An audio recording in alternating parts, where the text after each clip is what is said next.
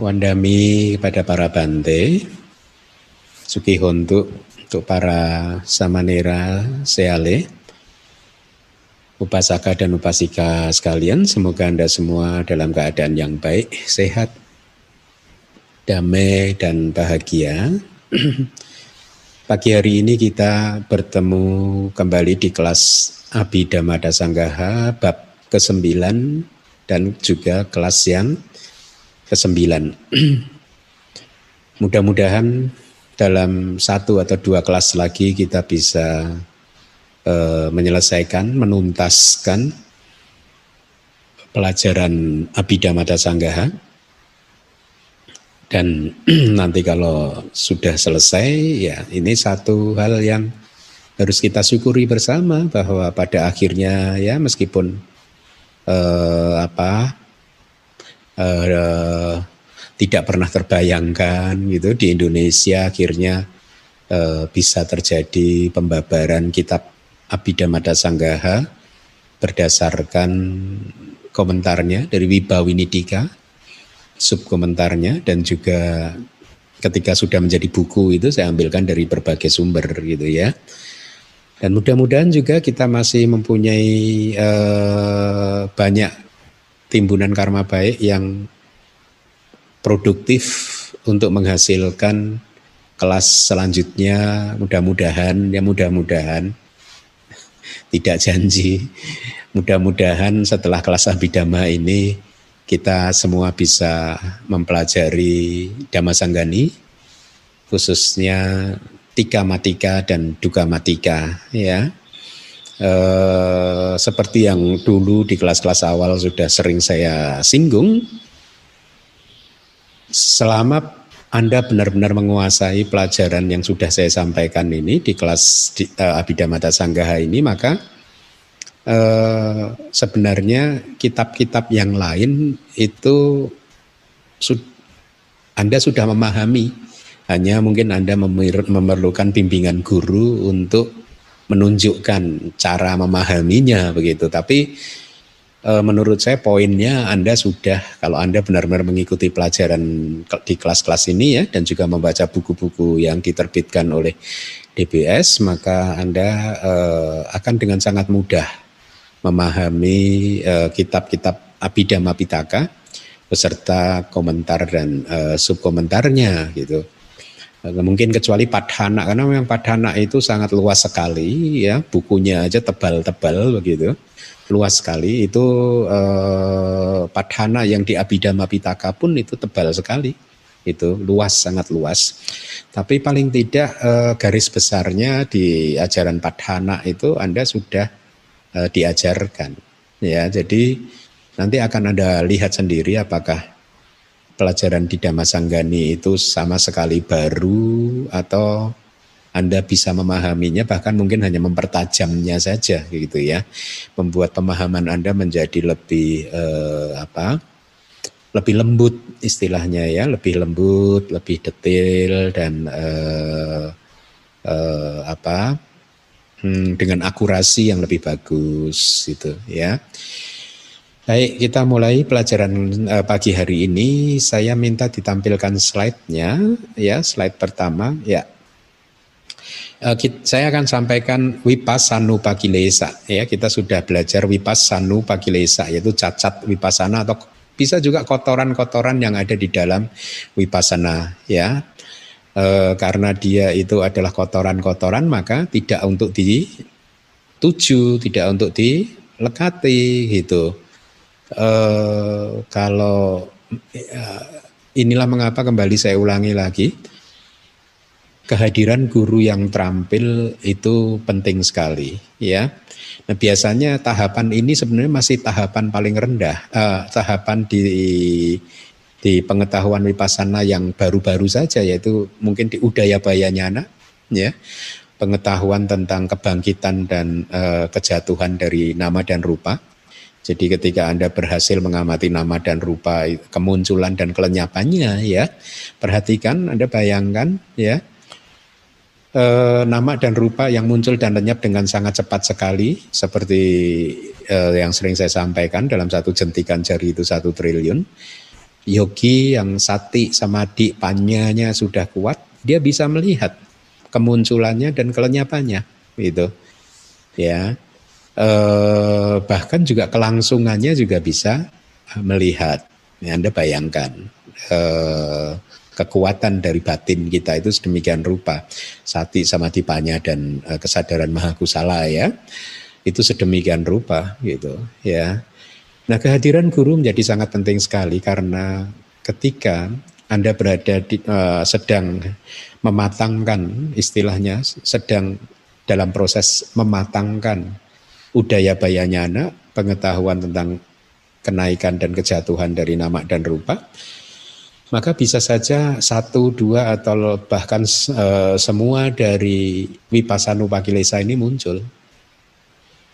Ya, Ketika Anda mengalaminya, ya, maka uh, bis, tanpa bimbingan guru, bisa saja Anda menganggapnya bahwa ini adalah jalur menuju ke nibbana. Tetapi tidak sesuai dengan namanya. Ini adalah wipasanu pakilesa, kotoran-kotoran yang ada di dalam wipasana. Ini adalah sisa-sisa tanha yang lembut, ya kalau anda melekatinya, itu. Uh, Yang pertama adalah dari Pasanupa Kilesa adalah obasa. Ya. Minggu lalu saya terjemahkan jadi cahaya, tapi kemudian setelah melihat definisinya nanti bisa overlap dengan aloka, maka saya rubah menjadi kilau untuk sementara ya kilau. Ya. Eh, obasa ini adalah eh, makanya kembali lagi saya tekankan dari pengalaman saya menulis buku dari manual Abhidhamma bab 1 sampai yang terakhir ini bab ketujuh yang sudah saya selesaikan eh, bahkan yang volume 2 juga sudah saya serahkan ke tim DBS itu membawa saya kepada satu pemahaman bahwa kita harus berdisiplin di dalam penggunaan terminologi-terminologi. Karena terminologi di dalam abidama itu segudang balki banyak sekali. Banyak sekali terminologinya sehingga kita tidak bisa uh, apa sembarangan saja mendefinisikan terminologi-terminologi apalagi kalau kita itu tidak paham bahasa Pali. Itu berbahaya. Kenapa? Karena metode pembelajarannya uh, belajar dan mengajarnya bisa jadi tidak efektif.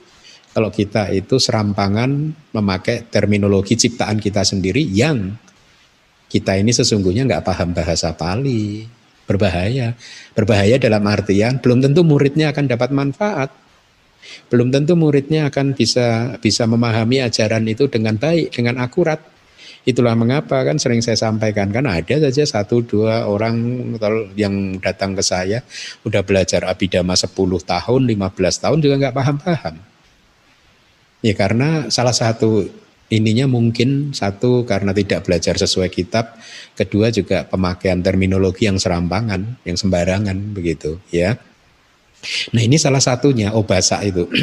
Kalau kita kita terjemahkan cahaya, nanti Anda akan berbenturan dengan aloka. Aloka juga cahaya, itu ya. Itu salah satunya ya. Ada banyak sekali contoh gitu. Nah, eh, obasa itu adalah cahaya yang keluar dari sarira. Sarira, makanya bagus ya. Bahasa Pali dari tubuh jasmani itu selain kaya, ya, itu juga sarira, i-nya panjang, sarira. Gitu.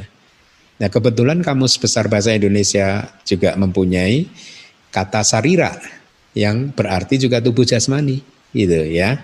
Makanya saya terjemahkan sarira Pali menjadi sarira bahasa Indonesia gitu. Jadi uh, obasa ini yang merupakan wipasana upakilesa ini ya wipasana plus upakilesa disambung menjadi wipasanu upakilesa gitu ya adalah cahaya yang keluar dari sarira dan yang bersumber dari kesadaran wipasana ya wipasana cita samudhana. Kesadaran wipasana itu kesadaran mahakusala dan harusnya itu adalah nyana sampayuta kan? Yang berasosiasi dengan uh, pengetahuan gitu ya. Nah jadi ini cahaya uh, berarti satu bentuk uh, materi yang keluar dari atau yang bersumber gitu atau yang lahir dari kesadaran, tapi khusus ini dibatasi kesadaran uh, wipasana artinya uh, mahakusala cita yang sedang mengamati uh, objek meditasi vipasananya ya bisa nama bisa rupanya ya. Nah, itu tadi adalah obasa. Kemudian yang kedua itu adalah piti kan ya. E, piti itu tidak saya tampilkan di slide ya. Piti Anda tahu itu cetasika piti ya kegembiraan. Di Wibawi ini juga menyebutkan piti di sini adalah lima jenis piti. Itu ya, lima jenis kegembiraan yang saya rasa saya sudah uh, eh, UBG piti dan lain sebagainya. Saya sampaikan di manual 2 manual Abidama bab 2 khusus di bagian cetasika piti kegembiraan bahkan mungkin di manual Abidama 1 juga seingat saya saya juga uh, masukkan itu itu Anda bisa buka di sana kita tidak punya cukup waktu nah ini juga menarik piti ini juga menarik gitu ya uh, kegembiraan yang sama sekali bukan kegembiraan yang duniawi gitu jadi kalau yogi yang baru, maka dia akan merasakan itu sebagai satu pengalaman yang sama sekali baru. Ya, yang sebelumnya tidak pernah dia rasakan begitu. Pengalamannya itu ber, sangat berbeda, sangat berbeda gitu, ya. Dengan kegembiraan sehari-hari gitu, ya. Nah, piti ini juga sama. Dia itu adalah cetasika piti yang lahir bersama dengan wipasana cita. Nah sekarang berarti Anda harus uh, juga bisa menganalisis kan. Berarti ketika ini muncul mahakusalanya yang yang yang mengobservasi nama dan rupa adalah mahakusala yang disertai dengan perasaan apa? Suka kan, somana sawedana kan, karena piti itu munculnya dengan somana sawedana ya. Jadi uh, uh, perjalanan realisasi pengetahuan-pengetahuan wipasana ini ya di, dari awal tadinya mungkin ketika di tahapan-tahapan pertama ketika mau merealisasi pengetahuan wipasana yang pertama itu perasaan yang menyertai itu adalah UPK tetapi lama-lama dia akan uh, apa berganti menjadi somanasa gitu ya Somanasa sampai di Udaya Bayanyana mencapai puncaknya, kemudian di Bangganyana dan Wipasana, pengetahuan Wipasana yang lebih atas lagi itu uh, makin ke atas menjadi semakin uh, lembut perasaan somanasanya gitu ya.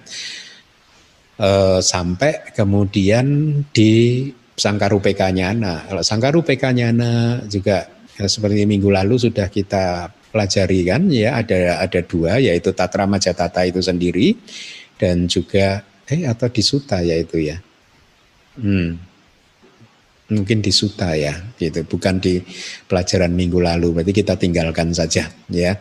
Nah, yang ingin saya sampaikan adalah soman uh, piti itu sangat lembut uh, dan itu berasosiasi dengan kesadaran uh, wipasana. Jadi ini harus Anda uh, pahami karena Wibawini menyatakannya seperti itu ya, yang lahir bersama dengan Wipasana Cita itu ya, bersama dengan Wipasana Cita.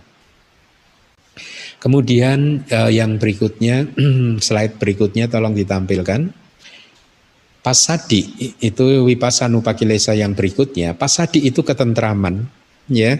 Jadi Anda akan berada tiba-tiba kalau Pak Sadi ini muncul, tiba-tiba Anda benar-benar berada di dalam uh, ruangan yang seolah-olah ruangan hampa, itu ya, uh, kayak kedap suara, telinga Anda juga benar-benar tidak mendengar apa saja apa pun ya pengamatan Anda benar-benar masuk ke dalam sehingga dunia luar sudah tidak tidak bisa lagi Anda rasakan begitu ya.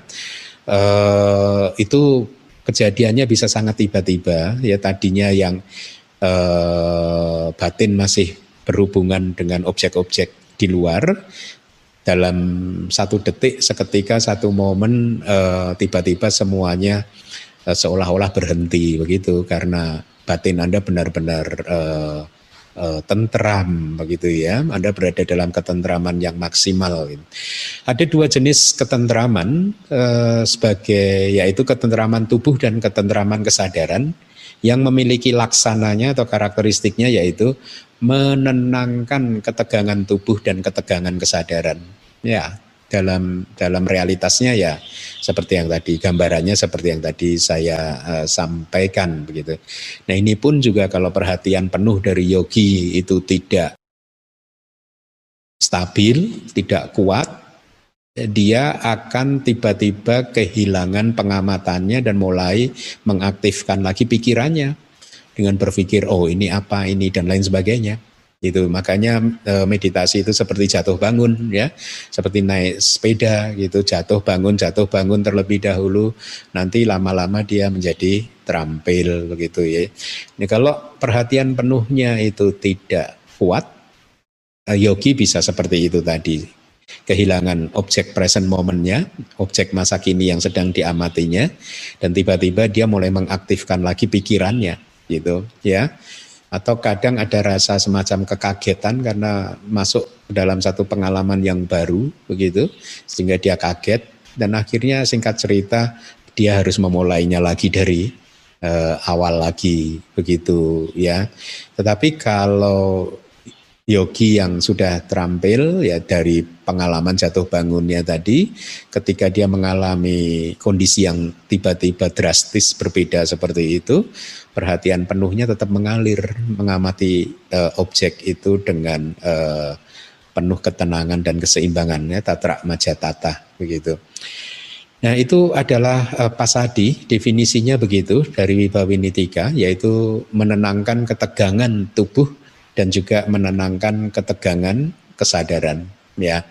Ya Anda bisa bayangkan ketika tubuh dan juga batin kita ini sudah tidak tegang lagi ya, ya itu tadi gambarannya seperti yang saya sampaikan. Next slide. Adimoka itu bisa keputusan, bisa keteguhan hati.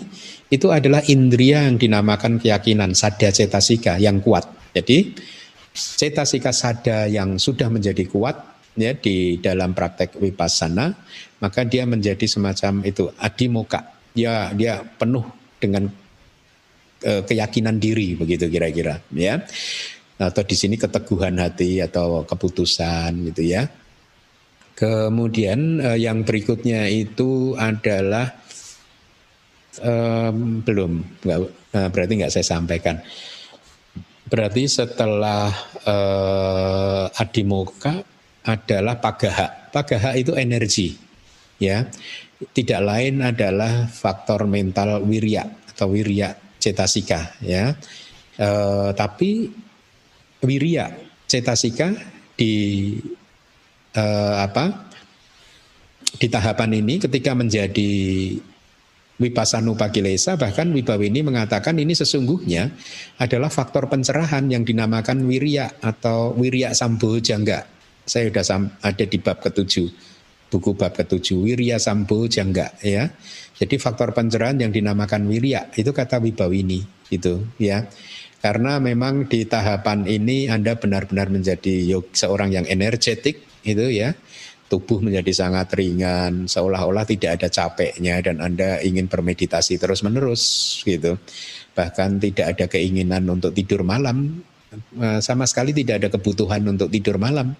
Jadi karena energinya itu uh, sudah berkembang sedemikian rupa atau wiryanya sudah berkembang uh, sedemikian rupa gitu ya. Uh, kemudian yang berikutnya Pagaha suka uh, ya kebahagiaan ya. Kebahagiaan ini adalah kebahagiaan yang uh, sangat superior. Adik panita bahasa palinya. Jadi uh, tentu saja artinya berarti berbeda dengan kebahagiaan-kebahagiaan yang sebelumnya dialami oleh yogi tersebut.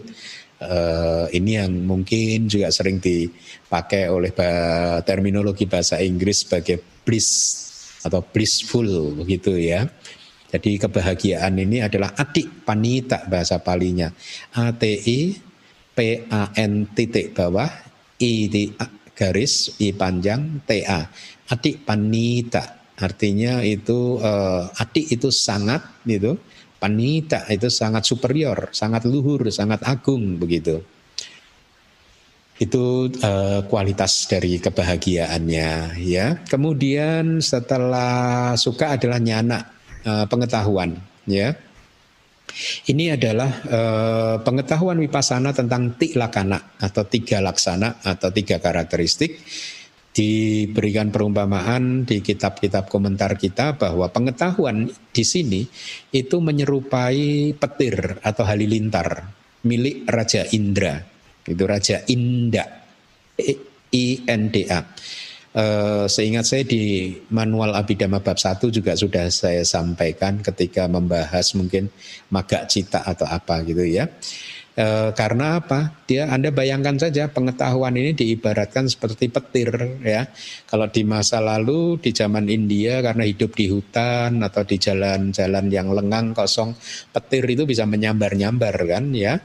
Bahkan ketika menyambar pohon tertentu, pohonnya bisa rubuh disambar oleh petir kan. Nah, kira-kira e, kekuatan dari nyana atau pengetahuan di sini itu adalah seperti itu, seperti petir. Dalam konteks apa? Seperti petir yang seolah uh, seolah-olah seperti petir yang bisa menghancurkan kilesa-kilesa, menghancurkan kotoran-kotoran batin, ya. Nah, kemudian yang berikutnya upadhana itu adalah uh, the presence of mind atau kehadiran batin itu tidak lain adalah cetasika sati, perhatian penuh yang memiliki kemampuan untuk mengingat kembali apa yang sudah terjadi di masa lalu dalam waktu yang lama gitu ya. Kehidupan-kehidupan lampau. Ya sering kali yogi mungkin akan e, merasa mengalami pencerahan kecil di sini di momen-momen ini. Ini ini pendapat saya ya. Oh, ini pendapat saya. E, pencerahan kecil itu dalam konteks banyak masalah-masalah di dalam kehidupannya yang saat ini di masa lalu yang mungkin menimbulkan luka hati dia ya. Yang dendam-dendam dia kemarahan dia itu uh, sembuh ya karena uh, pada saat uh, dia mengingat ke kejadian-kejadian lampau ya uh, ya saya mesti perlu sampaikan di dalam praktek vipassana yang seperti itu kadang yogi itu kayak on and off gitu ya Kadang dia mengamati nama dan rupa, kadang keluar lagi tidak mengamati nama dan rupa dan pada saat momen seperti itu tiba-tiba pikirannya itu lari ke masa lalu begitu ya. Dan ketika lari ke masa lalu dia juga karena perhatian penuhnya atau satinya itu sudah matang begitu. Ketika lari ke masa lalu pun satinya mengikuti, tetap saja mindful, tetap aja penuh perhatian begitu ya. Nah, sehingga sampai satu saat misalkan yang bersangkutan mengingat kejadian-kejadian yang traumatis, yang melukai hatinya atau yang membuat uh, dendam-dendamnya, kemarahan-kemarahannya dan pada saat itu dia akan mungkin melihat uh, dengan tersenyum. Itulah momen di mana banyak dari uh, apa pengalaman-pengalaman psikologis yang tidak baik yang dia alami di dalam kehidupannya yang sekarang jadi tiba-tiba sembuh karena dia melihat bahwa ternyata pengalaman-pengalaman yang tadinya dia anggap buruk itu ternyata baik ternyata bagus dan ternyata di, tidak menimbulkan kemarahan lagi, tidak mengerikan lagi dan dia melihat bahwa ternyata orang-orang yang selama ini dia dendam ternyata tidak sejelek yang sebelumnya dia pikirkan begitu kira-kira begitu ya. Nah eh, itu tadi dari saya. Kita kembali lagi kalau dari Wibawini Dika mengatakan seperti itu tadi. Sati ini mampu mengingat kembali apa yang sudah terjadi di masa lalu dalam waktu yang lama sehingga bahkan juga itu tentu saja harus diartikan sebagai mampu mengingat kehidupan-kehidupan yang lampau gitu ya. Kemudian pakilesa yang berikutnya adalah UPK atau keseimbangan batin ya. Ada dua yaitu UPK. Oh, ini di, di pelajaran kali ini berarti. Ada dua jenis UPK yaitu yang satu adalah tatra majatata cetasika ini bukan wedana, berarti ya ini adalah satu faktor mental yang bukan wedana, dia faktor mental tersendiri. Dan Tatra Majatata ini menjadi faktor pencerahan yang dinamakan UPK atau ini adalah UPK Sambo Jangga ya faktor pencerahan yang dinamakan UPK yang muncul bersama dengan Wipasana Nyana ya jadi muncul di Mahakusala yang sedang uh, mengamati nama dan rupa dalam bentuk keseimbangan batin. Ya keseimbangan batin. Anda uh, boleh baca lagi di buku manual Abhidhamma yang kedua tentang Tatra Majatata dan yang kedua UPK di Kali ini adalah uh, Wedana, yaitu UPK Wedana tapi di awajana cita. Ya, di pintu batin ya. Jadi kalau Wibawini mengatakan begini, UPK di awajana cita di pintu batin berarti UPK di mano dwara wajana cita yang ini adalah wedana itu perasaan ya. Ingat hanya di mano dwara wajana cita ya.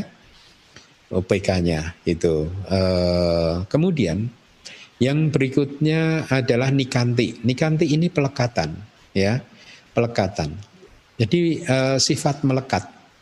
Sesungguhnya ini adalah hmm, berhubungan dengan sembilan nikanti ini kan yang terakhir kan, sembilan wipasana e, wipasanu pakilesa yang lainnya. Jadi ketika sembilan wipasanu pakilesa, ya, wipasana upakilesa, obas bahasa piti pasadi adimoka pagaha dan seterusnya itu tadi maka eh, kalau tidak eh, apa perhatian penuhnya dibiarkan kendor dan yogi mulai tertarik lagi uh, mulai tertarik dengan obasa piti pasadi adimoka pagaha dan seterusnya itu tadi maka kilesa itu bisa muncul lagi gitu. Dalam bentuk apa? Tanha yang lembut ya tanha atau nafsu kehausan yang lembut.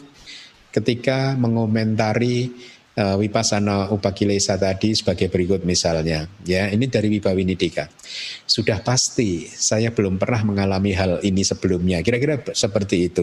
Jadi intinya kekaguman atau keheranan dan lain sebagainya. Atau bahkan melekat lagi. Oh saya yogi yang hebat sudah bisa mencapai se, uh, sejauh ini. Ya. Uh, ini adalah sudah dekat ke nibana atau bahkan bisa mengartikan bahwa ini pun adalah nibana gitu ya.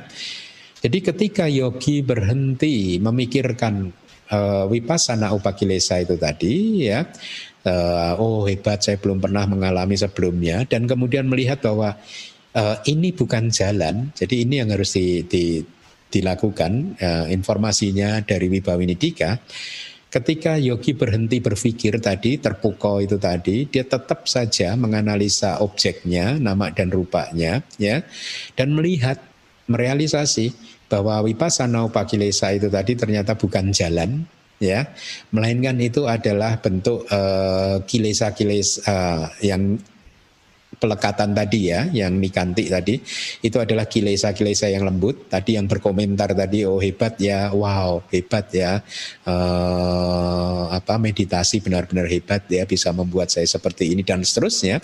Itu nikanti tadi ya, kilesa yang sangat lembut yang muncul di wipasana ya.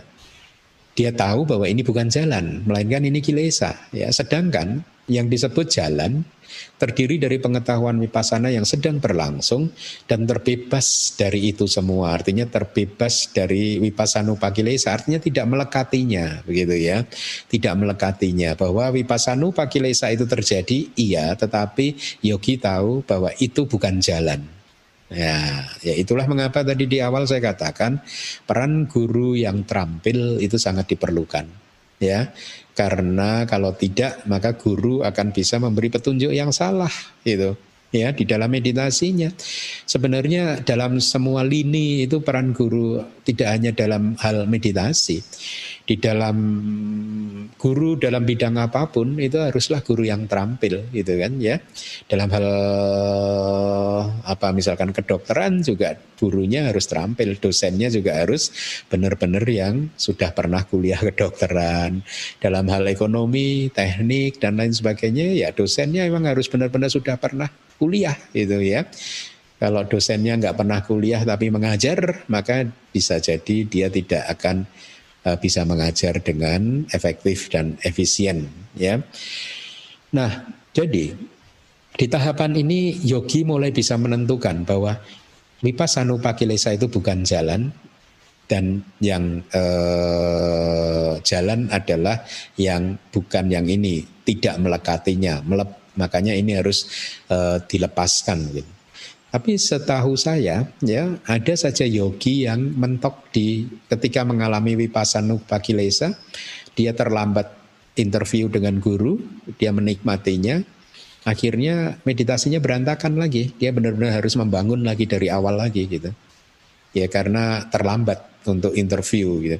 Makanya kalau di Myanmar itu ada meditation center yang eh, menerapkan aturan seadonya interviewnya itu setiap hari. Rata-rata sih dua hari lah alternate day gitu ya setiap dua hari interview gitu. Tapi ada yang menerapkan setiap hari. Bahkan yang setiap dua hari itu tadi, ketik itu tergantung seadonya. Kalau seadonya merasa bahwa yogi tertentu e, memerlukan interview setiap hari, maka dia akan diberitahu khusus untuk kamu setiap hari ya, begitu. Ya itu salah satunya adalah supaya kalau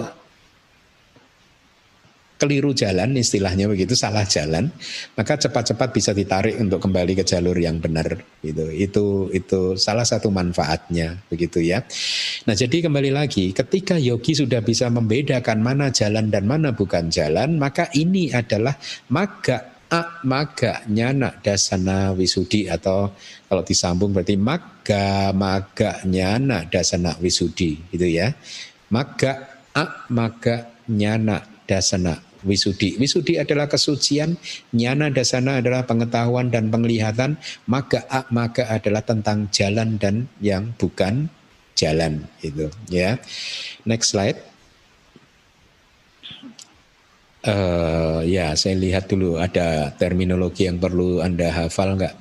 Parik pantak wimutasak panak tasak udaya bayak nyana itu udaya bayak nyana tuh ya. Itu baris kedua itu lihat udaya Udaya bayak nyana tuh berarti sejak dari atau dari atau sebatonya itu bisa dari bisa sebagai nanti kita lihat. Pengnyana itu pengetahuan, udaya itu kenaikan, bayak itu kejatuhan, rising and falling atau kadang kemun bisa diterjemahkan menjadi kemunculan dan kelenyapan. Itu terminologi yang Anda bisa bisa hafalkan, harus hafalkan wipasana paramparaya itu uh, suksesi dari wipasana padik pajantasa. Nawa wipasana nyana ni padik pada nyana dasana wisudi. Ya berarti sembilan pengetahuan wipasana itu dinamakan padik pada nyana dasana wisudi. Kita lihat terjemahannya. Ya itu dia. Bagi seorang yogi yang terbebas dari hambatan yang seperti itu tadi, artinya pelekatan, yang melekati wipasana upakilesa tadi, ya, Sebenarnya sembilan wipasana upakilesa itu selain yang pelekatan itu terjadi pasti terjadi gitu. Kan yang tidak boleh melekatinya yang nikantinya itu tadi gitu ya. E, ketika melekati maka itulah yang e, menjadi e, tadi bukan jalan ya Kembali lagi ke slide. Bagi seorang yogi yang terbebas dari hambatan yang seperti itu tadi dan yang berlatih dengan mengikuti rangkaian tadi wipasana paramparaya, rangkaian wipasana. Nah, di sini wipasana itu kadang saya terjemahkan jadi pengetahuan yang dalam ya tentang tiga laksana. Artinya tentang tiga laksana itu berarti anicca, duga dan anatta sejak dari uh, tadi udaya bayaknya nato gitu ya. Sejak dari udaya bayaknya na pengetahuan tentang muncul dan lenyap kemunculan dan kelenyapan atau sesungguhnya itu adalah kenaikan dan kejatuhan hingga ke anuloma nyana pengetahuan tentang keselarasan ya Eh, maka uh, sembilan wipasana nyana ini dinamakan pati pada nyana dasana wisudi artinya kesucian melalui pengetahuan dan penglihatan tentang cara. Anda tahu nggak wipasan uh, sembilan wipasana nyana Anda bisa sudah hafal belum? Sembilan wipasana nyana di mulai dari udaya bayak nyana berarti satu udaya bayak nyana kemudian bangga nyana bayak nyana kemudian adi nawa nyana nipida nipida nyana mucitu kamyata nyana kemudian pati sangka nyana sangkarupeka nyana dan anuloma nyana itu sembilannya ya Mari kita uh, lihat penjelasan dari Wibawini. Sembilan wipasana nyana tadi adalah pengetahuan yang mengetahui kenaikan dan uh, dimulai dari peng, uh, kata Wibawini itu tadi dimulai dari udaya bayanya nak ya. Pengetahuan yang mengamati peruraiannya semata ya. Oh, dijelaskan oleh Wibawini. Uh, udaya bayanya nah adalah pengetahuan yang matang muncul ketika yogi mengamati kenaikan dan kejatuhan agregat-agregat tentu saja harus dipahami ini adalah nama dan rupa ya, cita-cita sika dan rupa ya. Mengamati kenaikan dan kejatuhannya.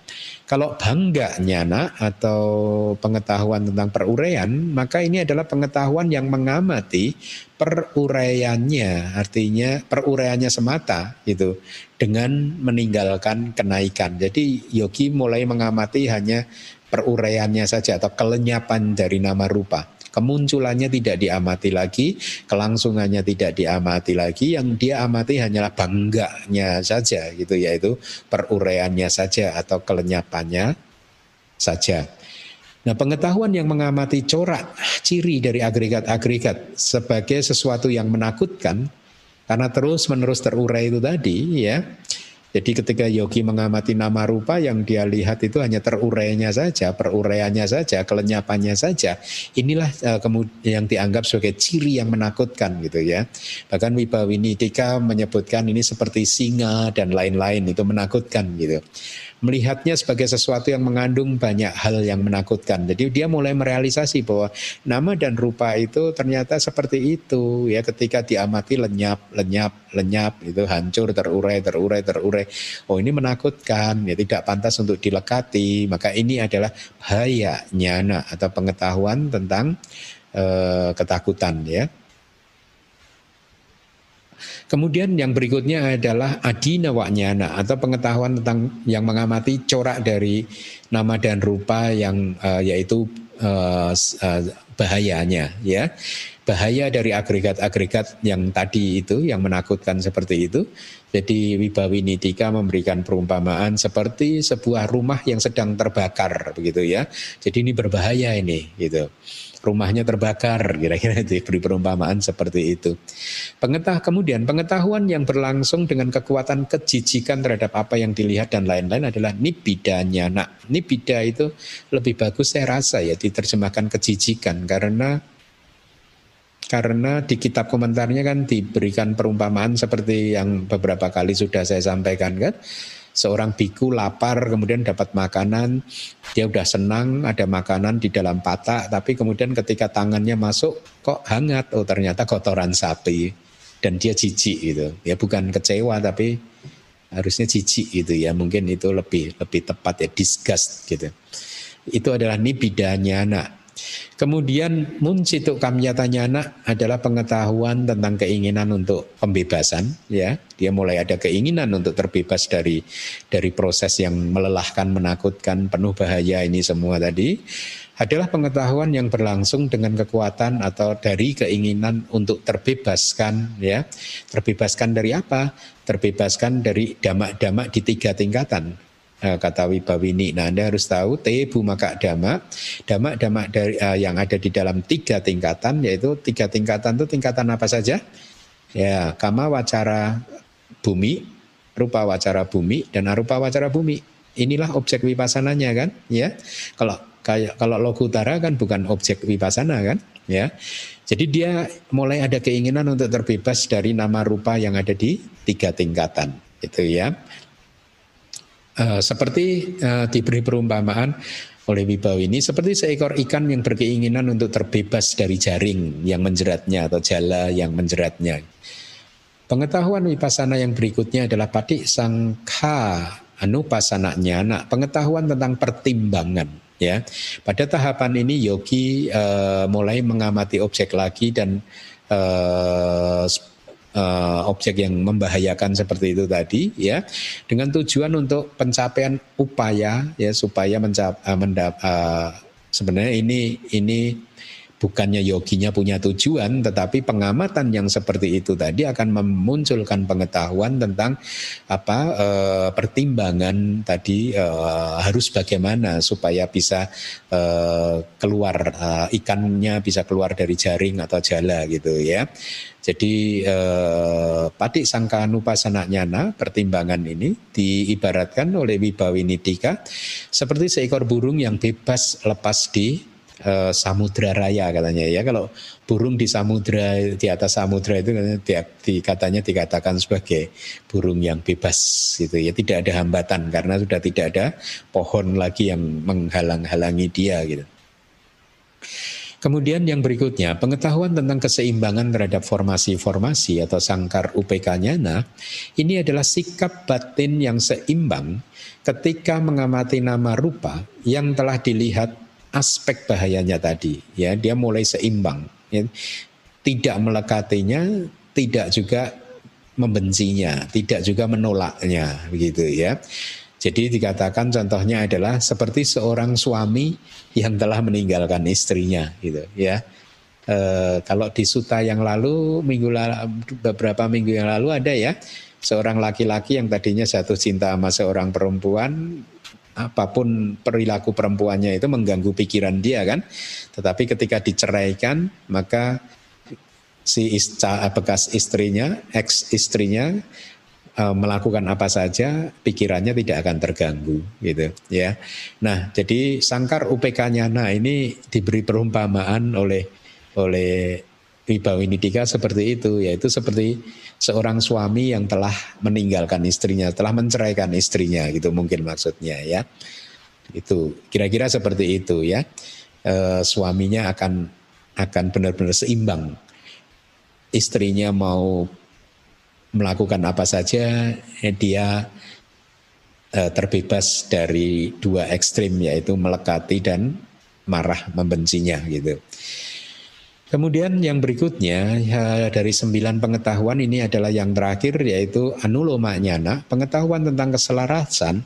Sebagai yang kesembilan disebut pengetahuan yang selaras dengan kebenaran-kebenaran artinya empat kebenaran ya selaras dengan empat kebenaran mulia untuk mencapai jalan atau maga cita dan yang berlangsung eh, sesaat sebelum pencapaian gotra bunyana itu itu anuloma nyana ya Nah demikianlah sembilan pengetahuan ini dinamakan pati pada nyana dasana wisudi atau kesucian melalui pengetahuan dan penglihatan tentang cara. Gitu. Karena kenapa disebut seperti itu? Karena menjadi cara atau jalan untuk kesucian melalui pengetahuan dan pandangan dan eh, karena keadaannya yang telah dimurnikan dari keadaan yang berlawanan dari apa yang telah diamatinya secara langsung ya yaitu apa yang diamati secara langsung nama rupa dalam uh, konteks untuk merealisasi anicca, duga dan anatta. Tolong next slide ditampilkan. Uh, itu bawangga woci citwa setelah memotong arus bawangga itu? Upana mano dua wacana ananta. Dua tinik wipasana citani yang kinci anicca karena raba parikama enggak. Ya paling itu bawanggang woci citwa setelah memutus memotong bawangga mari kita lihat terjemahannya Ketika dia mempraktekkan kontemplasi tentang tiga laksana, anicca, duga, dan anatta tersebut dengan cara yang seperti itu tadi, karena kematangan pengetahuan yang dalam atau pengetahuan kematangan wipasana, dia merasa seperti ini. Sekarang absorpsi akan muncul, itu ya. E, setelah memotong bawang enggak, artinya bukannya dia yang memotong ya karena arus kesadarannya itu bangkit lagi dan akhirnya bawangganya terputus, terpotong. Manu dwara wajana cita muncul tanpa antara, artinya segera setelah terputusnya bawangga, manu dwara wajana cita muncul. Kemudian dua atau tiga kesadaran pengetahuan yang dalam eh, atau dua atau tiga kesadaran wipasana berlangsung dengan mengacu pada objek laksana anicca, duga dan anatta dengan nama ini disebut sebagai parikama upacara anuloma ya uh, ya Jadi dua atau tiga ini uh, dis, uh, mempunyai nama yaitu parikama, upacara, dan anuloma. Wibawinidika menjelaskan uh, kematangan pengetahuan uh, yang dalam atau kematangan wipasana itu sebagai ya tadi semata-mata kematangan dari latihan wipasana dia. Terus tadi ada kalimat sekarang absorpsi akan muncul itu artinya sekarang loku terak maga yang disebut sebagai absorpsi akan muncul yaitu dalam beberapa momen lagi maka cita akan muncul. Itu uh, uh, hanya itu informasi dari Wibawinitika next slide. Ya Sangkaru PK dan Anuloma atau bersama dengan Anuloma yang telah mencapai puncaknya disebut sebagai pengetahuan yang dalam atau wipasana yang menuju ke kemunculan kebangkitan. Itu bahasa palinya wudhana gamini wipasana. Itu juga istilah teknis terminologi. Bagus kalau anda bisa hafalkan. Wudhana gamini wipasana ya. Berarti wipasana yang gamini anda pernah mendengar kata gamini di jalan mulia eh, empat kebenaran mulia? Kebenaran mulia yang keempat itu kan ada kata gamininya juga kan itu adalah uh, yang menuju sebenarnya ya jadi wipasana yang menuju kepada atau ke kemunculan atau ke kebangkitan gitu.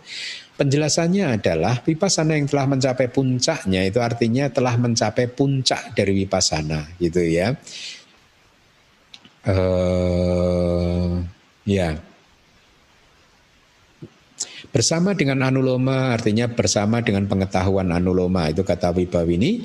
Sangkar UPK disebut demikian, disebut sebagai sangkar UPK karena sikap batin yang netral terhadap sangkara-sangkara atau formasi-formasi atau bentukan-bentukan itu terjemahannya.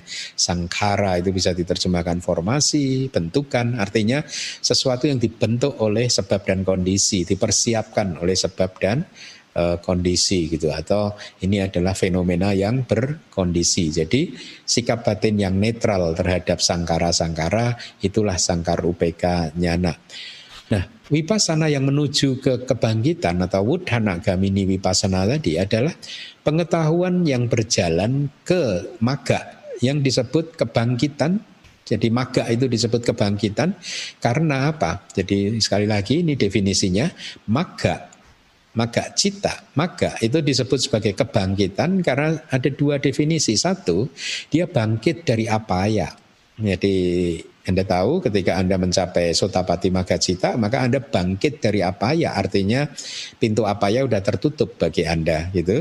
Dan yang kedua adalah bangkit dari tanda-tanda dari sangkara atau bahasa palinya sangkara nimita tanda-tanda dari sangkara ya.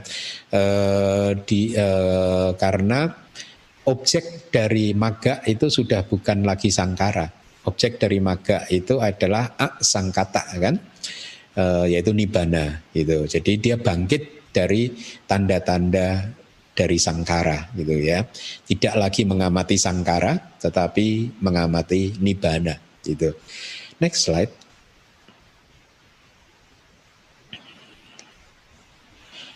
Setelah itu kesadaran pergantian silsilah atau gotrabu dengan mengambil nibana sebagai objeknya berlangsung artinya muncul untuk mengatasi silsilah pudujana artinya melampaui silsilah pudujana dan memunculkan silsilah seorang Arya. Itu arti gotrabu kan ya. Di gotrabu itu uh, uh, itu bahasa palinya pudujana gotang api bawantang menaklukkan atau mengapi bawantang, api bawa itu kayak menaklukkan bisa mengatasi bisa gitu. Putu jana gota, silsilah putu jana, ya, Arya gota, api sambonta. Itu jadi e, kayak menghasilkan atau memproduksi atau memunculkan Arya gota, silsilah seorang Arya, seorang yang mulia gitu. Next slide.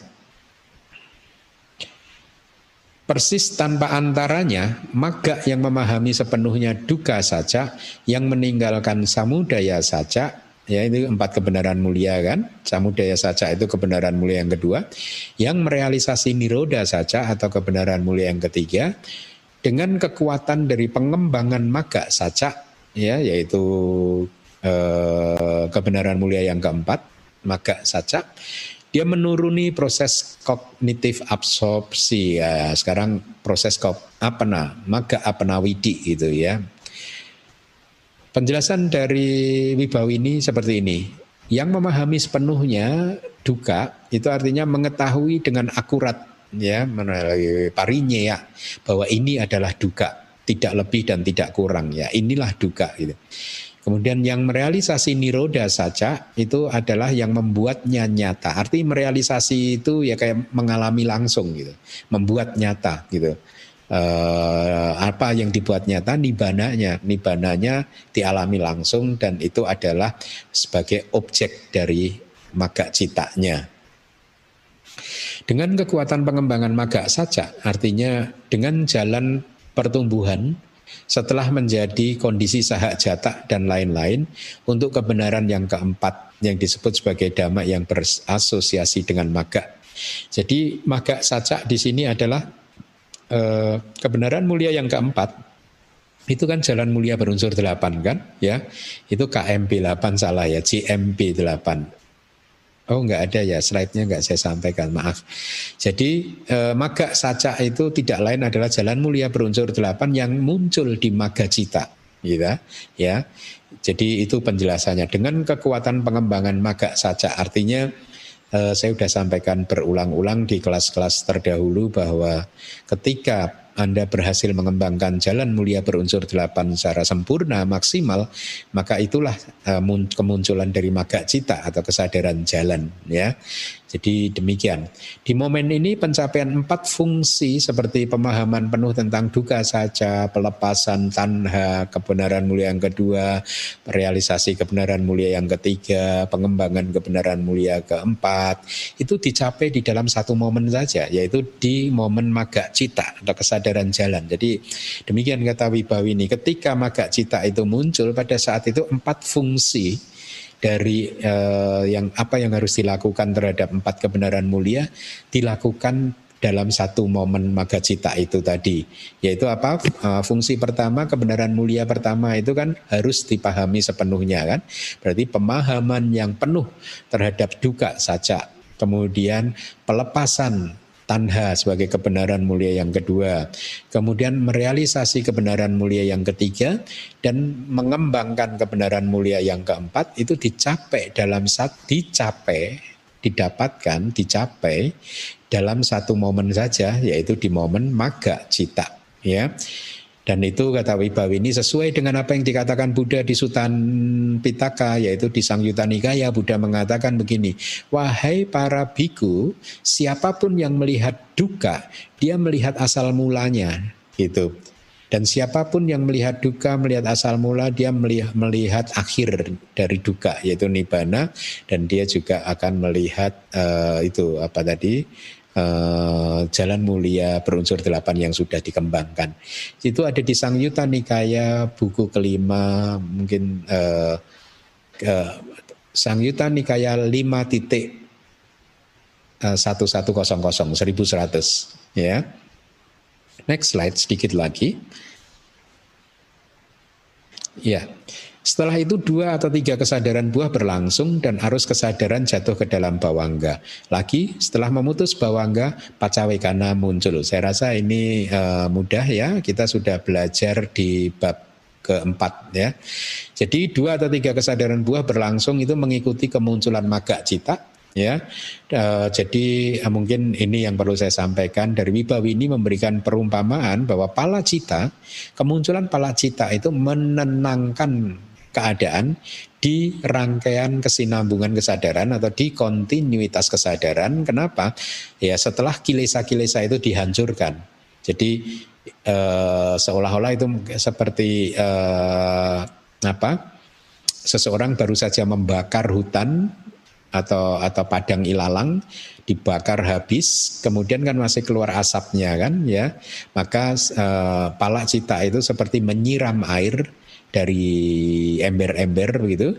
Eh, dengan tujuan mendinginkan keadaan yang panas itu tadi di tempat di mana api baru saja dipadamkan gitu. Yaitu uh, fungsi dari kemunculan dari palak cita yaitu menenangkan keadaan uh, kontinuitas kesadaran ya.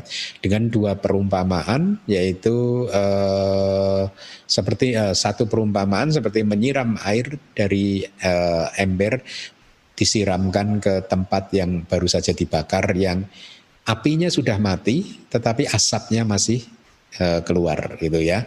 Maka begitu disiram air uh, menjadi dingin dan asapnya akhirnya tidak keluar lagi.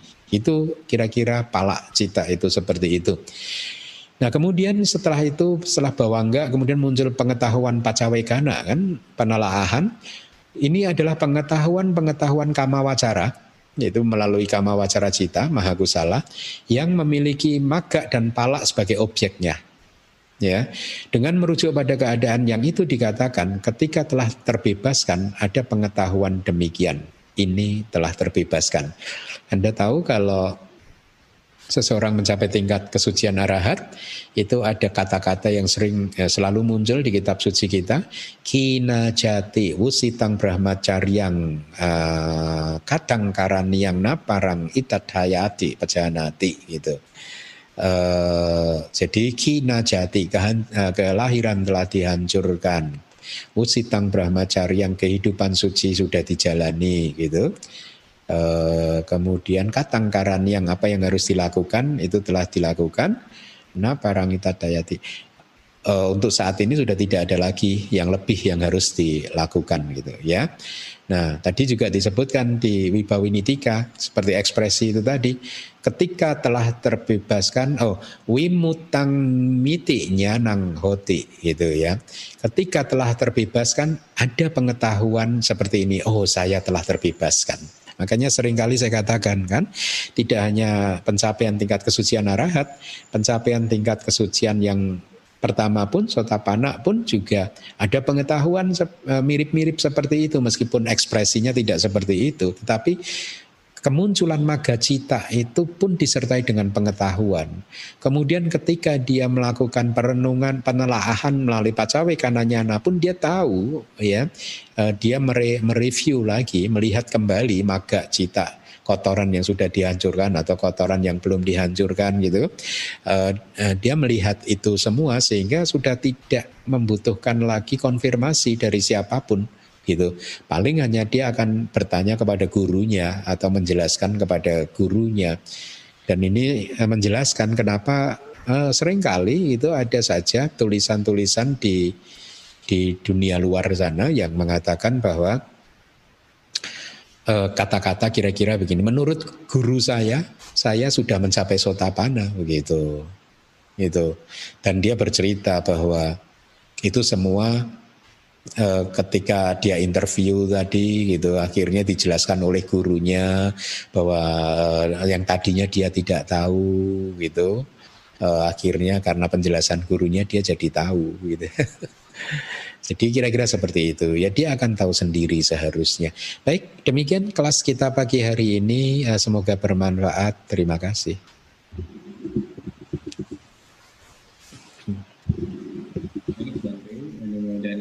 Bante atas penjelasan terpidana yang telah disampaikan kepada kami pagi ini. Berikutnya kita akan memasuki sesi tanya jawab. Kami akan bacakan sesi tanya jawab ini kembali.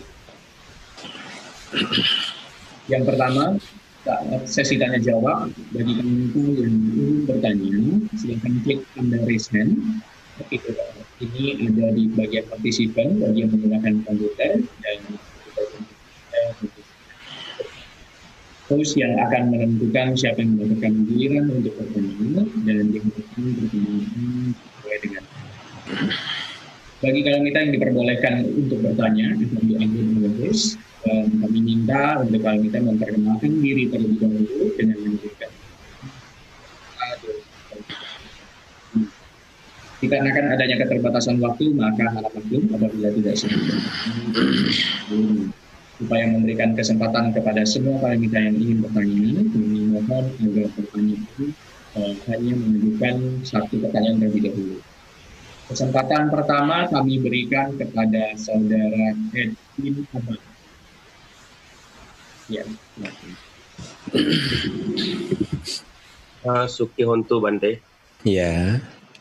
Ah, saya dari Malaysia. Oh, Oke. Okay. Uh, apakah sesuai untuk membuat altar di dalam kamar suami istri? Ya, oke. Okay. Itu saja. Uh, apakah persembahan yang boleh dan tidak boleh untuk Buddha rupa? Oke, okay. baik. Baik, terima kasih saudara dari Malaysia. Ya, uh, kalau anda tidak memiliki ruang lain, maka seharusnya tidak apa-apa karena dengan pertimbangan daripada tidak mempunyai altar kan ya. Uh, tetapi kalau punya ya seharusnya di tempat yang lain Bapak begitu ya. Hmm, sebentar suami istri ya tadi ya. Ya, ya kalau hal suami istri ya mungkin agak kurang etis sih Pak kalau suami istri. Tapi kalau kayak saya itu kadang atau bantai-bantai itu kita itu bikin altar di kuti-kuti kita sih Pak. Uh, jadi nggak apa-apa karena emang kita nggak punya tempat lain gitu kayak sering saya sampaikan di ITBMU di universitas saya dulu di kuti saya di dalam ada altarnya gitu. Tapi kalau suami istri ya karena itu mungkin sebaiknya dihindari sih Pak. Tidak baik karena nanti efeknya Bapak akan uh, rugi sendiri karena seperti tidak mempunyai rasa hormat terhadap Buddha begitu ya Uh, jadi sebaiknya dihindari gitu. Kalau bisa mungkin di tempat-tempat yang lain. Kalau di Myanmar itu bahkan Pak uh, bisa membuat di bawah pohon Pak kalau nggak punya tempat lain. Jadi di halaman depan begitu mungkin kalau ada pohon atau di tempat mana pun gitu di, di luar itu nggak apa-apa daripada di dalam kamar suami istri itu tadi ya. Kemudian apa yang boleh dan apa yang tidak boleh dipersembahkan itu sebenarnya semua itu boleh ya. Semuanya apa saja boleh asal itu adalah barang-barang yang didapatkan dengan cara yang baik ya. Eh, tidak dari hasil melanggar sila, tidak hasil dari membunuh binatang kemudian dimasak untuk dipersembahkan. Apa saja boleh ya. Tapi secara tradisi biasanya itu kan makanan beserta minuman buah-buahan begitu kemudian air minum kemudian bunga ya. Kemudian wewangian dupa gitu ya. Dupa tahu ya. Incense gitu saya harap anda tahu itu dupa tapi uh, yang harus di, di, diperhatikan adalah kalau Anda mempersembahkan makanan yang keras seperti makanan ada nasi atau buah-buahan begitu, itu sebaiknya ketika sebelum jam 12 maksimal jam 12 tengah hari siang itu ditarik lagi Pak. Gitu. Jadi ketika jam 12 sampai keesokan paginya itu yang ada ya hanya uh, minuman, bunga dan mungkin dupa tadi incense, wangi-wangian, perfume gitu. Itu jadi itu yang perlu diperhatikan gitu. Uh, apa saja boleh, Pak? Apa saja boleh. Demikian mudah-mudahan menjawab. Ya, Bante. Uh, ya. Ya. Ya. Uh, ada yang mengatakan uh, contohnya macam apple hijau, barang-barang yang seperti buah yang berwarna hijau tidak boleh dipersembahkan uh, kepada altar uh, Buddha rupa. Benarkah begitu, Bante? Oh, buah yang berwarna hijau? Ya. Oh, enggak sih, enggak. Boleh-boleh saja sih, Pak. Boleh saja. Mungkin ya kalau buah durian satu satu satu apa itu? Satu buah durian itu kan enggak etis ya kalau mau durian ya dibuka dulu biji-bijinya yang dipersembahkan begitu atau kelapa besar begitu. Uh, akan ini juga dihindari mungkin udah dituangkan ke dalam gelas begitu saja ya. Dengan dengan pertimbangan begini tuh pak uh, uh, apa bahkan kalau di kalau umat itu uh, di Myanmar itu diajarkan untuk senantiasa apa hmm, mempertimbangkan tentang ini kalau saya mempersembahkan ini dan itu nanti akan merepotkan seadonya enggak ya? Akan merepotkan bantenya tidak ya? Misalkan ini kalau mempersembahkan apa eh, bahkan sedemikian rupa memang harusnya harusnya tapi di Indonesia ini belum belum belum apa belum terjadi sih kalau masak apa saja misalkan ayam begitu ya kalau se seyukyanya sebaiknya itu udah dipotong-potong kecil-kecil begitu. Kalau di Myanmar begitu, ayamnya udah dipotong-potong kecil-kecil begitu, ya. Sehingga di, uh, uh, itu di, memungkinkan sangganya untuk tidak melanggar winaya karena kalau sangganya lupa ayam besar kemudian dipegang dan langsung digigit begitu aja dia bisa bisa melanggar ini ya uh, peraturan uh, disiplin begitu. Nah, jadi eh, apa saja sih eh, boleh meskipun ada winaya yang mengatakan buah yang lebih besar dari ini dan itu tidak boleh, tetapi itu menurut saya itu masih kontroversi sih kalau menurut saya sih. Ada dua pendapat yang berbeda sih, sehingga saya menurut saya eh, eh, memilih apa saja nggak apa-apa. Asal itu tadi pak.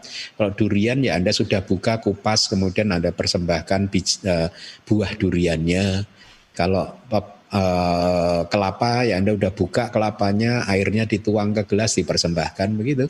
Supaya tidak anggap saja itu adalah Buddha yang benar-benar maka Anda melakukannya dengan penuh uh, apa perhatian dan pikiran baik, tidak ingin membuat Buddha jadi repot untuk makan dan minumnya dan begitu. Nggak apa-apa sih kalau buah berwarna hijau itu. Ya, ya. Mungkin hijaunya itu Pak yang dimaksud hijau yang masih mentah mungkin.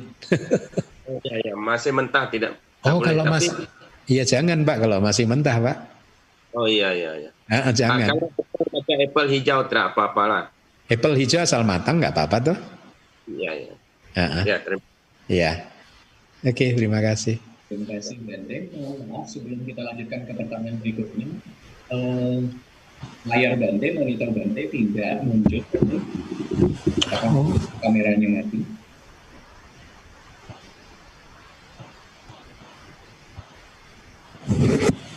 Nah, ini kayak dulu lagi, nggak bisa. Iya, baik Bante. Kenapa ya, Aca? Atau sementara seperti ini terlebih dahulu kita lanjutkan ke pertanyaan berikutnya. Bante. Iya, ini yang ada orang yang berpikir masa gitu aja nggak bisa. Ya. Berbeda. Ini karena apa? Zoom zoomnya saya itu udah disetting sama DBS pakai kamera besar itu.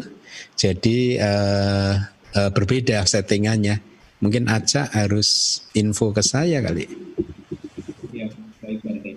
Mungkin sambil menunggu uh, Aca untuk mengecek terlebih dahulu apakah uh, bisa kembali on monitornya, uh, kita boleh lanjutkan ke pertanyaan berikutnya.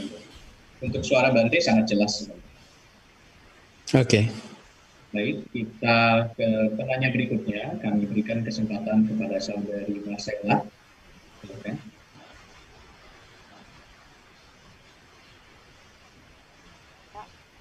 Wandami Bante. Iya. Ya, saya Marcella dari Lampung. Mm-hmm. Saya mau bertanya Bante, berkaitan dengan sila kedua dalam Pancasila Buddhis. Di sila ini kan kita diminta untuk melatih diri agar tidak mengambil sesuatu yang tidak diberikan kepada kita. Nah, kalau misalnya saya mendownload gambar atau video atau musik dari Google atau YouTube, itu tanpa sebelumnya meminta izin kepada pemiliknya, apakah itu termasuk pelanggaran sila kedua Bante? Karena kalau saya mau izin, saya juga bingung mau izin ke siapa karena saya nggak tahu siapa yang pertama kali upload foto atau video itu Bante. Terima kasih Bante. Baik, pertama yang harus saya garis bawahi adalah uh, peraturan tersebut bagi para biku dan bagi upasaka upasika itu berbeda, ya eh, biku peraturannya lebih ketat, tetapi kalau upasaka itu artinya adalah kalau itu Anda sudah yakin bahwa yang Anda download tadi itu adalah eh, public property, ya sudah menjadi milik publik, maka itu tidak apa-apa, itu bukan pelanggaran sila. Tetapi kalau yang Anda download itu adalah uh, uh, sesuatu yang authornya, penciptanya, pengarangnya itu menyertakan keterangan ya bahwa Anda boleh menyebarkan ajaran ini atas izin, maka Anda harus minta izin. Tetapi kalau tidak ada keterangan apa pun, Setahu saya, saya tidak begitu tahu hukum internasional, tapi setahu saya kalau tidak ada keterangan apa pun itu sudah menjadi public domain ya. Tapi saya bisa salah sih di sini. Poinnya adalah yang harus Anda pastikan adalah bahwa itu sudah menjadi milik publik gitu. Kalau itu sudah menjadi milik publik maka ya itu sah-sah saja Anda tidak tidak melakukan pelanggaran apa pun. Tapi kalau itu menjadi belum menjadi milik publik dan apalagi ada keterangan begitu eh, maka anda harus minta izin. Eh, seperti itu. Eh, misalkan ya dari hal yang sepele kalau kalau biku ini tadi saya katakan kan biku itu kan eh, berbeda kan peraturannya lebih ketat misalkan ya Uh, dulu kalau seado saya itu mengajari winaya kepada saya, kalau seorang biku naik pesawat mau masuk ke satu negara dan ada ketentuan untuk declare ini dan declare itu gitu ya, uh, kemudian dia tidak mendeklar maka itu pun juga pelanggaran winaya. Atau misalkan kalau dulu keluar dari Myanmar itu tidak boleh membawa uh, giok dengan spesifikasi seperti ini seperti itu kalau dia mencantumkan spesifikasinya secara berbeda maka itu juga pelanggaran atau banyak hal. Jadi intinya eh, biku dan umat itu berbeda. Jadi kalau umat ya itu tadi eh, anda pastikan saja bahwa itu sudah menjadi publik uh, milik properti publik begitu. Begitu? Ya Bante terus kalau misalkan lagi jalan-jalan terus di hutan terus ada pengen ambil buah di hutan itu melanggar sila nggak ya Bante? Kalau kalau anda jalan-jalan di hutan terus ya, pengen terus, ya kalau ya, itu ada, itu pohon liar sih ya nggak nggak melanggar apa-apa karena itu milik umum pohon liar tidak tidak ada yang memilikinya. Ya, Bahkan seorang biku pun dalam poin ini pun diperbolehkan. Kalau ada benda yang dia yakin bahwa ini tidak ada pemiliknya, dia boleh mengambilnya. Ya, dia boleh mengambilnya. Tapi untuk memetik buah di pohon biku dilarang ya. Maksud saya kalau dia sedang jalan-jalan dan dia melihat ada benda sesuatu dan dia yakin bahwa ini tidak ada pemiliknya, maka dia boleh mengambilnya. Entah kemudian diserahkan kepada sangga dan lain-lain sebagainya. Jadi kalau pohon di hutan kan seharusnya tidak ada pemiliknya, maka silahkan diambil. Baik, terima kasih Bante. Ya, Makanya saya lebih senang Adina dana itu meskipun arti dari adina dana itu adalah uh, adina adana meng, mengambil sesuatu yang tidak diberikan itu kalau untuk biku lebih tepat. Tetapi kalau untuk umum itu bisa diterjemahkan pencurian begitu sudah cukup. Ya jadi anda memetik memetik buah di pohon di hutan itu bukan pencurian kan Selama itu bukan pencurian, ya itu tidak melanggar. Tapi kalau pohon itu ternyata milik perhutani begitu, ya Anda melanggar. Iya Bante. Ya, oke. Okay. Iya, terima kasih Bante. Mm -hmm. Bante. Uh, sebelum melanjutkan ke pertanyaan berikutnya, Bante, apakah memungkinkan Bante untuk mencabut dan memasang kembali USB Mencabut dan apa? Kemudian dipasang kembali. Yang mana? Uh, eh, USB videonya. USB kamera ya? Ya. Oh. Oke, sebentar ya.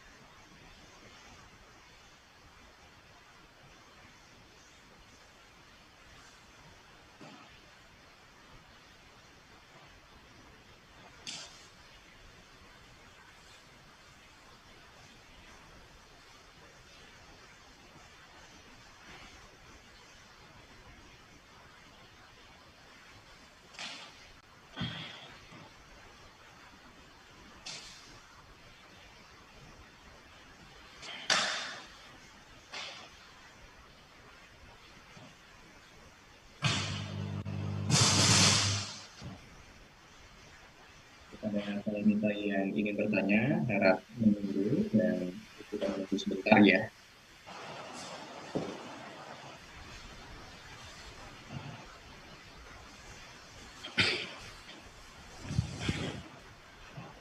Tetap nggak bisa. Mungkin harus keluar dari Zoom dulu kali. Iya. Tapi ini toh kelas juga tinggal 15 menit lagi. Iya, baik Bante. Kalau begitu kita lanjutkan ke pertanyaan berikutnya ya Bante. Mm -hmm. ya. uh, kesempatan bertanya berikutnya kami berikan kepada saudara Adika Tunas. Silakan untuk bertanya.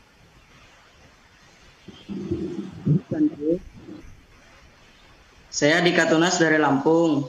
Saya mau bertanya Bante. Kan di wihara tempat saya tinggal, kalau setiap akhir bulan suka membaca mantra Tantrayana, Bante. Mantra apa? Mantra Tantrayana. Oh. Nah, di mantra tersebut bukan hanya berlindung kepada Buddha, Dhamma, dan Sangga, tetapi juga berlindung kepada Yidam, Lindung Dhamma, dan lain-lain. Nah, pertanyaan saya Bante, apakah mantra Tantrayana tersebut diajarkan oleh Sang Buddha? Jika tidak, bagaimana cara saya menyikapinya. Soalnya pas itu saya menggantinya dengan cara bermeditasi, Bante. Itu saya oh. Adik umur berapa sekarang? Umur 13 tahun. 13, berarti kelas 1 SMP? Kelas 2. Oh, 2, oke. Okay. Baik, uh, bagus, bagus, bagus. Teruslah uh, disiplin belajar dhamma dan meditasi ya supaya hidupnya nanti uh, menjadi orang yang bijaksana. Uh, untuk pertanyaan tersebut, saya tidak bisa menjawab karena saya tidak paham aliran tantrayana, ya, sama sekali tidak paham dan karena itu adalah aliran yang berbeda, maka saya rasa saya tidak dalam kapasitas untuk menjawab, dik, ya. Uh, begitu. Jadi uh, jangan apa ya masing-masing mempunyai ininya sendiri-sendiri begitu. Ya, jadi sikap adik siapa tadi Andreas? Adika Tunas. Hah? Adika Tunas. Adika Tunas ya, ya. Uh, begitu jangan jangan apa dicampur aduk nanti bingung ya udah kalau tantra ya tantra begitu ya memang adi, uh, Manti Mahayana juga punya ajarannya sendiri, saya Terawada punya ajarannya sendiri, yang masing-masing uh, tentu mempunyai uh, kebenaran menurut sudut pandangnya masing-masing, gitu, ya. Oke, okay. itu. Ya.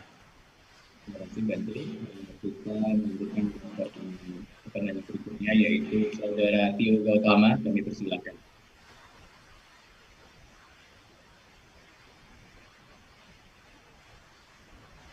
Uh, ya, Sukioto Bante. Iya. Saya, saya Tio dari Cikarang. Ya, saya mau bertanya Bante. Hmm, kan dosa mula cita kan punya dua varian Bante yang uh, domanasa sagatang, pa, uh, patiga sampai yotang asang karikang atau sasang karikang, spontan hmm. atau dengan ajakan Bante. Uh, uh, saya mau bertanya Bante kalau ada contoh kasus seperti ini misalnya saya disuruh membunuh teman saya, teman baik saya oleh seorang raja misalkan Bante yang oleh apa? oleh seorang raja Bante. Misalnya, seorang raja. Iya, yang punya ah. wewenang yang kuat gitu. Nah, saya tahu Bante kalau membunuh itu merupakan perbuatan yang buruk, yang berakibat buruk juga. Jadi kan di situ saya punya nyana ya Bante ya, punya pengetahuan Bante. Nah, karena akhirnya saya membunuh gitu Bante. Nah, karena dosa mula cita kan variannya cuma dua, nggak seperti yang loba mula cita yang variannya ada banyak itu Bante. Yang salah satunya di tiwi payutang ya, yang tidak bersekutu dengan pandangan salah. Nah, Lalu pas saya membunuh itu sebenarnya saya uh, melakukan tetap melakukan dosa ya Bante atau gimana Bante? Dan itu uh, pik, uh, varian yang mana ya Bante? Karena kan nggak ada nggak ada di TV Payutang gitu di dosa gitu Bante. Apakah saya tetap melakukan yang sasang karikang dengan ajakan gitu atau gimana Bante? Kalau kasusnya seperti itu gitu. Oh, mungkin Anda ini apa mencampur adukkan antara didik dan nyana ya. Didik itu pandangan salah nyana itu pengetahuan. Nyana itu hanya muncul dengan kesadaran-kesadaran yang baik. Kalau didik itu muncul dengan kesadaran yang tidak baik dengan loba mula cita kan. Mungkin poin Anda begini kan, Nah, ketika seseorang disuruh oleh raja untuk membunuh, ketika dia disuruh oleh oh karena eh, ini adalah kewajiban dia katakanlah begitu ya dan dia tidak bisa menolak pada awalnya dia paham bahwa ini membunuh dan ini aku salah dan ini adalah karma baik begitu. Eh, karma buruk, maaf. Dia paham gitu. Tetapi akhirnya dia membunuh juga kan begitu kan? Ya, benar. Nah, maka ini pakai kesadaran yang mana? Tetap saja itu pakai dosa mula cita. Nah, kan tadi ada pengetahuan. Ya, ya tadi gitu. Tadi ada pengetahuan. Karena kan cita itu kan setiap detik satu triliun kali muncul dan lenyapnya. Ya, jadi ketika dia membunuh itu pasti dengan dosa mula cita. Itulah mengapa agama Buddha tidak mengenal uh, mercy killing gitu ya. Bahwa oh ini kasihan ini udah daripada hidup susah kasihan dibunuh aja nggak ada atas nama compassion belas kasih nggak ada pembunuhan tetap saja itu aku salah gitu jadi pada momen dia membunuh itu aku salah cita dosa mula cita mungkin sedetik sebelumnya dia mempunyai belas kasih gitu ya. Tapi ketika dia membunuh itu adalah dosa mula cita yang variasinya ada dua itu tadi. Gitu. Ya harus dibedakan detik per detiknya momen momen by momennya. Iya gitu. Bante, ya. uh, sama penasaran lagi satu lagi Bante kalau misalnya kayak membunuh dengan netral juga nggak mungkin juga Bante kayak misalnya seorang, mungkin. Koki, seorang koki yang sudah sangat sering sekali membunuh ikan tinggal potong-potong-potongnya tanpa ada perasaan uh, ya. di situ itu tidak mungkin juga Bante. Nggak mungkin mungkin satu detik satu per satu per uh, seratus ribu uh, seratus miliar sebelum detik sebelumnya itu ada perasaan netral tapi kan ini kan kemunculannya sangat cepat sekali jadi ketika membunuh di momen itu, detik itu dia membunuh itu selalu dengan domanasa, dengan duka cita, perasaan yang tidak menyenangkan gitu. Ya, begitu. Makasih, Jadi harus dipahami bahwa uh, cita dan cetasika uh, itu muncul dalam satu jentikan jari satu triliun kali, cepat sekali. Gitu. Ya, oke. Okay. Makasih Bantu. Ya. Kasih Bante. Uh, kita melanjutkan ke pertanyaan terakhir ya Bante. Uh, ya. Ada pertanyaan kembali dari Bapak Erwin. Silakan Bapak Erwin. Cukup untuk Bante. Iya. Uh, ya, apakah boleh setiap hari mengambil sila ketika melakukan puja uh, Buddha Rupang? Oh ya, eh, boleh Oh, itu bagus, ya bagus uh, untuk penguatan terus begitu ya. Bahkan biku saja kan boleh ditahbiskan kedua kali, ketiga tanpa harus melepas jubah begitu. Itu semacam untuk penguatan saja. Jadi meskipun anda tahu sehari ini sejak mengambil sila yang terakhir sampai hari ini katakanlah anda tidak melanggar satupun dari lima sila, anda tetap saja mengambil lagi nggak apa-apa itu untuk memperkuat lagi nggak apa-apa. Untuk memperkuat komitmen tekad dan lain sebagainya. Bahkan untuk uh, memperkuat uh, faktor mental yang indah seperti sada dan seterusnya itu bagus pak. Nggak apa-apa. Iya. Sebab uh, setiap hari saya uh, lebih kurang pagi dengan uh, malam. Dua kali uh, uh, melakukan puja untuk Buddha Rupang Ya, uh, bagus. Saya buat uh, mengambil sila. Boleh nggak begitu, Bang? Iya, bagus, bagus. Itu bagus sih. Nggak apa-apa, nggak apa-apa. Ya. Mm-mm. Anda tinggal di mana? Saya di Penang, Penang, Malaysia. Oh, Penang. Ya, ya, ya. Oke. Okay. Oke. Okay. Terima kasih. Ya. Maaf, videonya nggak kelihatan, maaf. Oh iya, sorry. Ya, terima kasih, Bang. Iya, iya baik Bante karena keterbatasan waktu maka pertanyaan Erwin dari beberapa pertanyaan penting telah uh, Anumodana Bante untuk penjelasannya. Dan selanjutnya kita akan melakukan satu lagi kebajikan yaitu dana parami. Dan dapat berdana melalui dompet digital dengan scan QRS code yang ada di komputer yang saat ini. Atau bisa melakukan transfer ke dan yang sama di hari Barcode QRS ini pun bisa difoto dan di save di handphone Anda supaya Anda bisa melakukan dana ataupun kami ingatkan kembali untuk tidak meninggalkan kelas online ini terlebih dahulu sebelum Bante meninggalkan kelas. Atas perhatian dan kerjasamanya kami ucapkan terima kasih. Dengan penuh sukacita dan pemahaman yang benar tentang berdana, mari kita siapkan batin kita untuk melakukan kebajikan melalui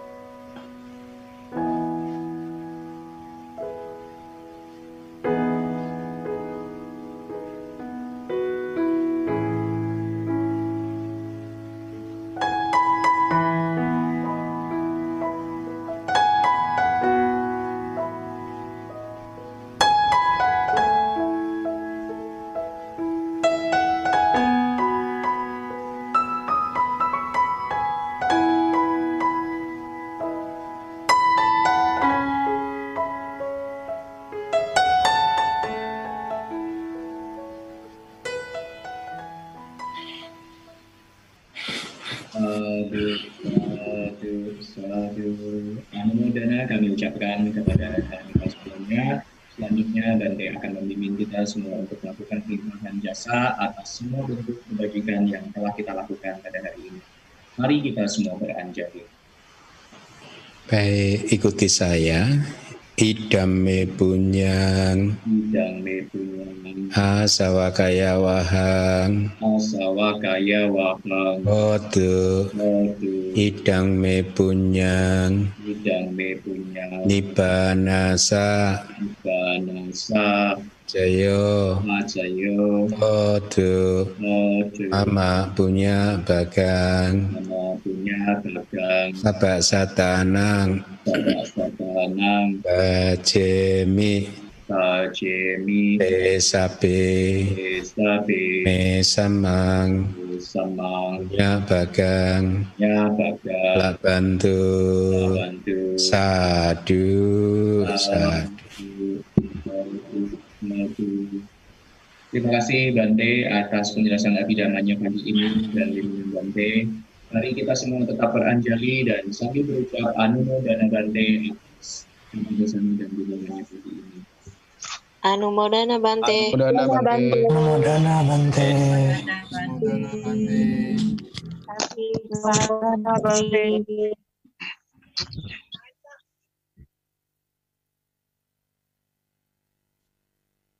Semoga Bante selalu dalam keadaan sehat dan berbahagia. Dengan berakhirnya pembabaran Dhamma pagi ini, kami mempersilahkan Bante untuk meninggalkan kelas Abhidhamma online pagi ini. Demikianlah kelas Abhidhamma di BS Online pagi hari ini. Sebelum mengakhiri kelas hari ini, izinkan kami untuk kembali membacakan beberapa pengumuman. Pengumuman yang pertama, pastinya jangan lewatkan kelas Pariyati Sasana besok pada hari Minggu tanggal 4 Oktober 2020, di mana uh, Bante akan melanjutkan pembahasan khotbah tentang landasan-landasan untuk aksi-aksi kebajikan punya Kiryawatu Suta bagian kedua melalui Zoom dan live streaming YouTube. Berikutnya, BBS juga uh, kembali mengundang Kalamita untuk bergabung dalam perayaan dana di bulan Katina 2500, 2564 Budis Era secara live streaming melalui YouTube kanal DBS, di mana acara akan diselenggarakan pada hari Minggu tanggal 15 November 2020. Waktu acara akan diselenggarakan pukul 13.00 sampai dengan 15.30 waktu Indonesia Barat dengan tema yang diusung untuk acara uh, perayaan dana di bulan Katina kali ini adalah Pariyati adalah pondasi untuk pati-pati. Bersamaan dengan perayaan Katina tersebut, DBS akan meluncurkan juga dua buku sekaligus, yaitu pertama buku Abhidhamma Bab ketujuh kategori-kategori volume yang kedua, dan yang kedua adalah buku penjelasan Sutanta yang keempat. Bagi Kalimeta yang ingin mendukung acara uh, tersebut, DBS membuka kesempatan berdana berupa sponsorship acara dan sponsorship ucapan Katina dengan cara transfer ke uh, rekening Yayasan Damawihari BCA yaitu 6275 1919 18 dengan kode 06 ya.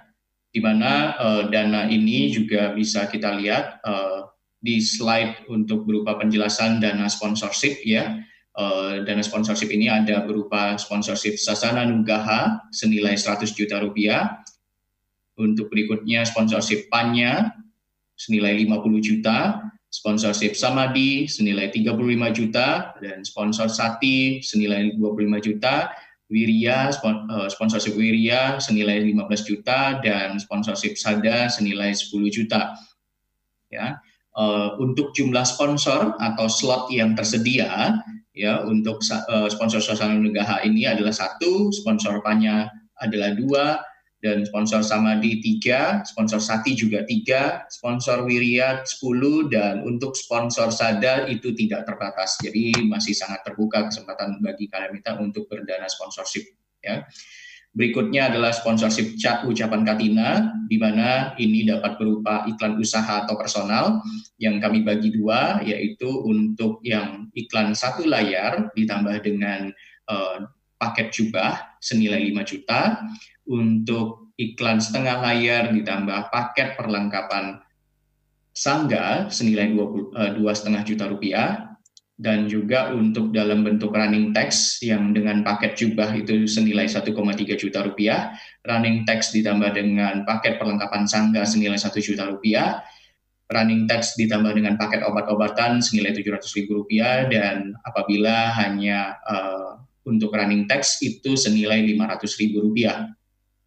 Untuk semua materi sponsor dan ucapan Katina ini diharapkan dapat diterima uh, pada tanggal sebelum pastinya sebelum tanggal 8 November 2020. Kami juga mengundang Kalmita untuk berdana kupon jatuh pacaya, yaitu empat kebutuhan pokok anggota Sangga, nilai 1 juta untuk dana jubah Sangga, 600 ribu rupiah untuk dana perlengkapan Sangga, 300 ribu rupiah untuk dana perlengkapan obat-obatan, dan 150 ribu untuk dana perlengkapan, eh, perlengkapan kebersihan.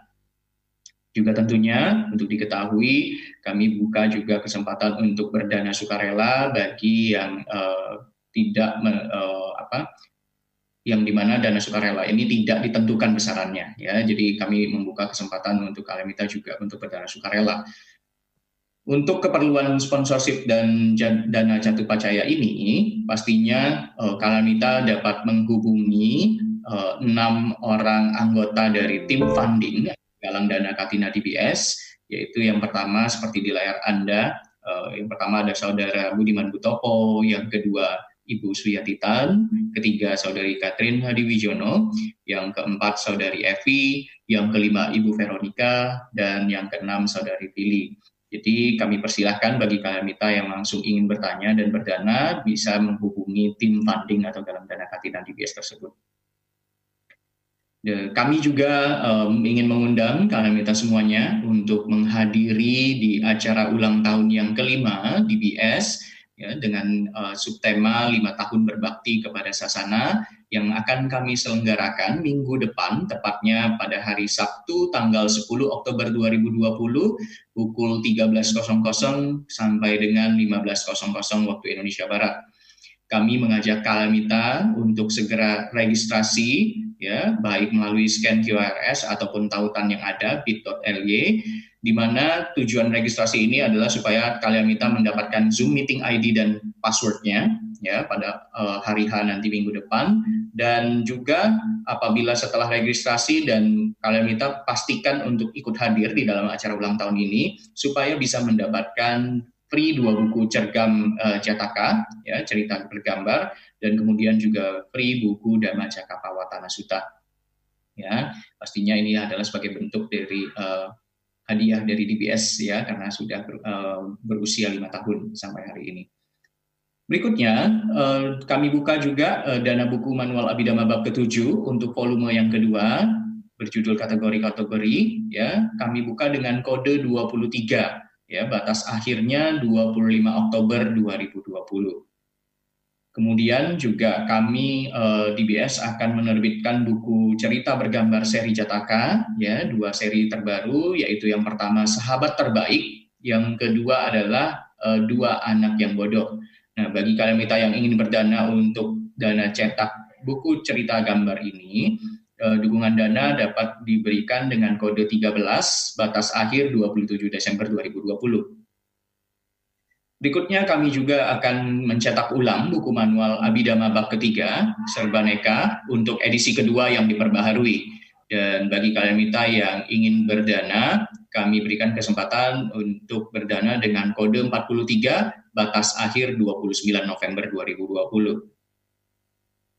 Berikutnya eh, buku yang telah terbit yaitu buku 9 Sifat Agung Buddha edisi kedua yang diperbaharui bagi kalian mita yang berminat uh, untuk memiliki buku ini atau mendanakan buku ini pun ke vihara atau uh, yang tempat belajar agama Buddhis lainnya mungkin itu bisa menghubungi sekretariat DBS di 0813 8700 3600 atau di tautan bit.ly garis miring DBS Book. Kami juga mengajak Kalmita untuk berdana cetak ulang buku Abhidhamma Bab pertama dengan judul kesadaran, di mana ini sudah uh, sampai dengan uh, ini ya yang akan kita cetak ini adalah edisi ketiga yang diperbaharui ya uh, karena animonya sangat banyak dan pastinya sudah sampai uh, cetak dua kali dan ini akan cetakan yang ketiga ya. Kami buka kesempatan untuk Kalmita berdana dengan kode 03 batas akhir 17 Januari 2021. Selanjutnya, uh, sudah lima tahun ini DBS berkarya dan harapan kami manfaatnya sudah dirasakan umat Buddha di pelosok Nusantara. Jadi kami kembali mengajak Kalimita untuk bergabung dalam komunitas penyokong ajaran Buddha, Buddha Sasana Nugaha, dalam membantu operasional DBS. Ya. Supaya tidak ketinggalan berita-berita DBS lainnya, kami juga mengingatkan untuk Kalimita bergabung dalam uh, komunitas Buddha Sasana Nugaha DBS di mana ini sudah mencapai uh, grup yang kelima ya di mana grup WA ini sendiri akan kami selalu informasikan jadwal-jadwal kelas, jadwal-jadwal kegiatan yang akan dilakukan DBS, informasi buku-buku yang bisa Anda pesan, informasi penggalangan dana buku dan lain-lain. Terakhir, jangan lupa untuk follow, like, dan subscribe YouTube, Facebook, serta Instagram DBS supaya tidak ketinggalan informasi kegiatan-kegiatan DBS. Akhir kata kami ucapkan terima kasih dan sampai bertemu di kelas online DBS berikutnya. Sugi Hontu kalian minta semuanya, semoga kita semua selalu dalam keadaan sehat dan berbahagia. Sadu, sadu, sadu.